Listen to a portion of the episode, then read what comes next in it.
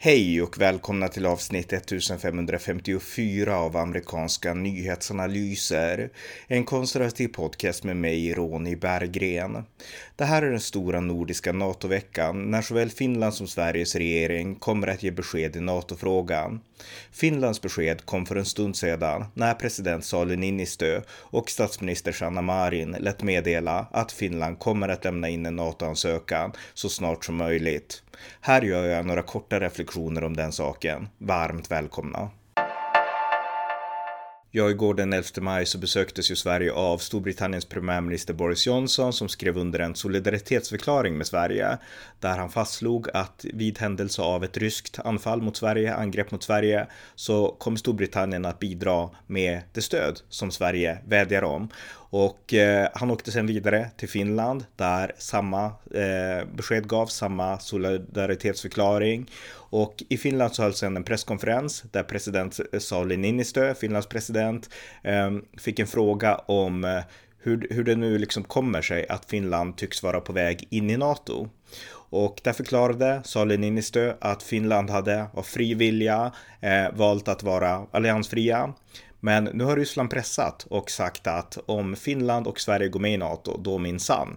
Eh, Ryssland hotar alltså med att eh, vidta åtgärder och om Finland och Sverige inte går i Rysslands ledband. Och det förklarade president eh, Niinistö, det var helt oacceptabelt. Och han sa sen så här om, eh, om synen då på varför Finland nu närmar sig NATO.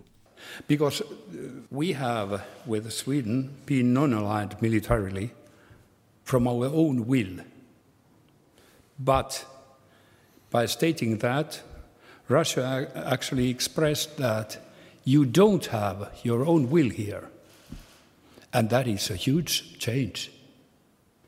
That made us think.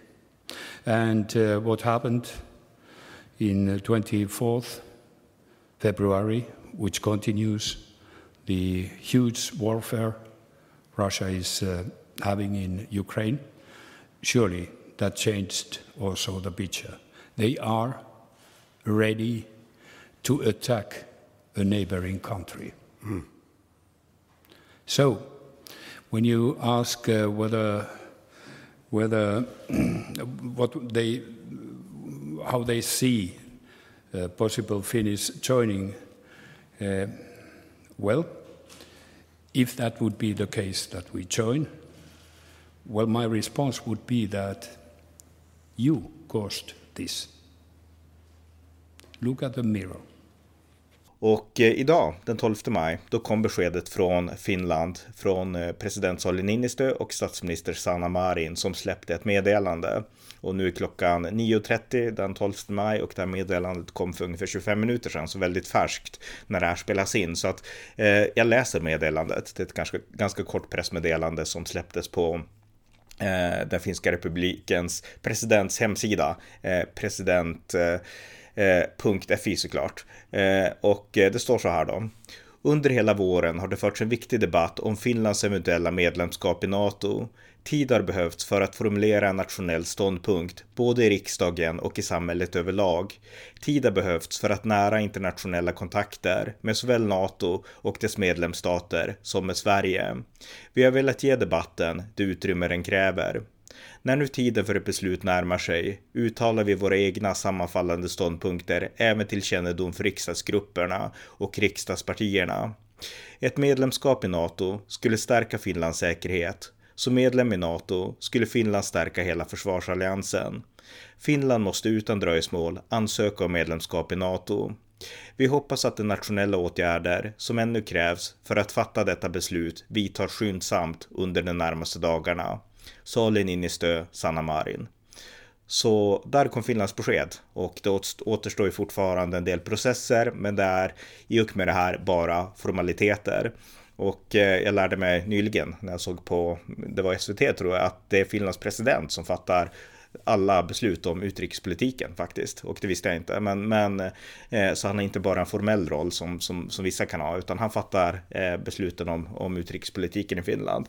Eh, så att eh, Finland kommer gå med i NATO. Det står tydligt nu. Och eh, nu väntar Finland på Sverige. Och eh, här i Sverige så kommer imorgon eh, riksdagens rapport och eh, på söndag så kommer Socialdemokraterna att meddela om, ja, om sitt beslut och det är det som kommer att avgöra hur Sverige, hur regeringen ställer sig till det här. Så att eh, Finland har nu visat vilken väg de vill gå. De vill lämna alliansfriheten, de vill söka sig till NATO, de kommer inte att kuva sig för ryska hot. Och nu är det upp till Sverige att välja vad vi vill göra. Och Finlands beslut, det är också ett historiskt beslut. Och eh, jag läste på sajten yle.se, eller yle, den svenska versionen av eh, den finska nyhetssajten, eh, att eh, eh, att det här är, det är ett historiskt beslut och det kan jämföras med anslutningen till EU i början av 90-talet och eh, EU var ju någonting som Finland gick med i. Alltså man uppgav att det berodde på ekonomi och liknande. Men eh, säkerhetsaspekten var en viktig del. Att röra sig närmare Europa och bort från det här eh, skruvstädet i förhållande till Ryssland. Som den här relationen som Finland har haft under kalla kriget i 40 år med Ryssland. Och där man egentligen i början var man ju tvingade att inte gå med i NATO. För då skulle Ryssland ha invaderat igen. När, ja, efter andra världskriget där då Stalin levde fortfarande och så. Men eh, Eh, sen så föll muren och Finland kände att nu är vi fria, nu kan vi välja vad vi vill och vi kommer att bli säkra om vi går med i EU. Och nu händer samma sak igen. Ryssland börjar återigen försöka skruva fast skruvstädet och säga och diktera villkoren och eh, Finland säger nu att eh, vi går inte med på det längre, utan vi vill stå på den västliga sidan tydligt och vi kommer att gå med i NATO. Så att eh, historiskt, ett historiskt beslut för Finland och som sagt, nu väntar Sverige. Och eh, ja, det var väl egentligen allt. Jag tänkte, jag tänkte börja berätta det här i det här poddavsnittet. Så ingen djupare analys, utan det blir korta avsnitt om de här händelserna. Ett nytt avsnitt imorgon tänker jag mig också efter att riksdagens besked har kommit. Så att eh, det var det korta, den korta nyhetsuppdateringen. Det var det senaste avsnittet från amerikanska nyhetsanalyser. Den trygghet som Finland och förhoppningsvis också Sverige nu är på väg in i var den trygghet som Ukraina saknade. Därför vill jag mana er som lyssnar att donera valfri summa till lämplig organisation som stöder ukrainska folket i denna stund. Att Ryssland nu är uppbundna i Ukraina ger utrymme för Sverige och Finland att gå med i NATO under förhållandevis lugnare förhållanden än annars skulle varit fallet. Det är på grund av Ukrainas heroiska kamp mot den ryska invasionsmakten. Så bidra till den europeiska solidariteten genom att skänka en gåva till Ukraina. Vi hörs snart igen. Tack för att ni har lyssnat till amerikanska nyhetsanalyser.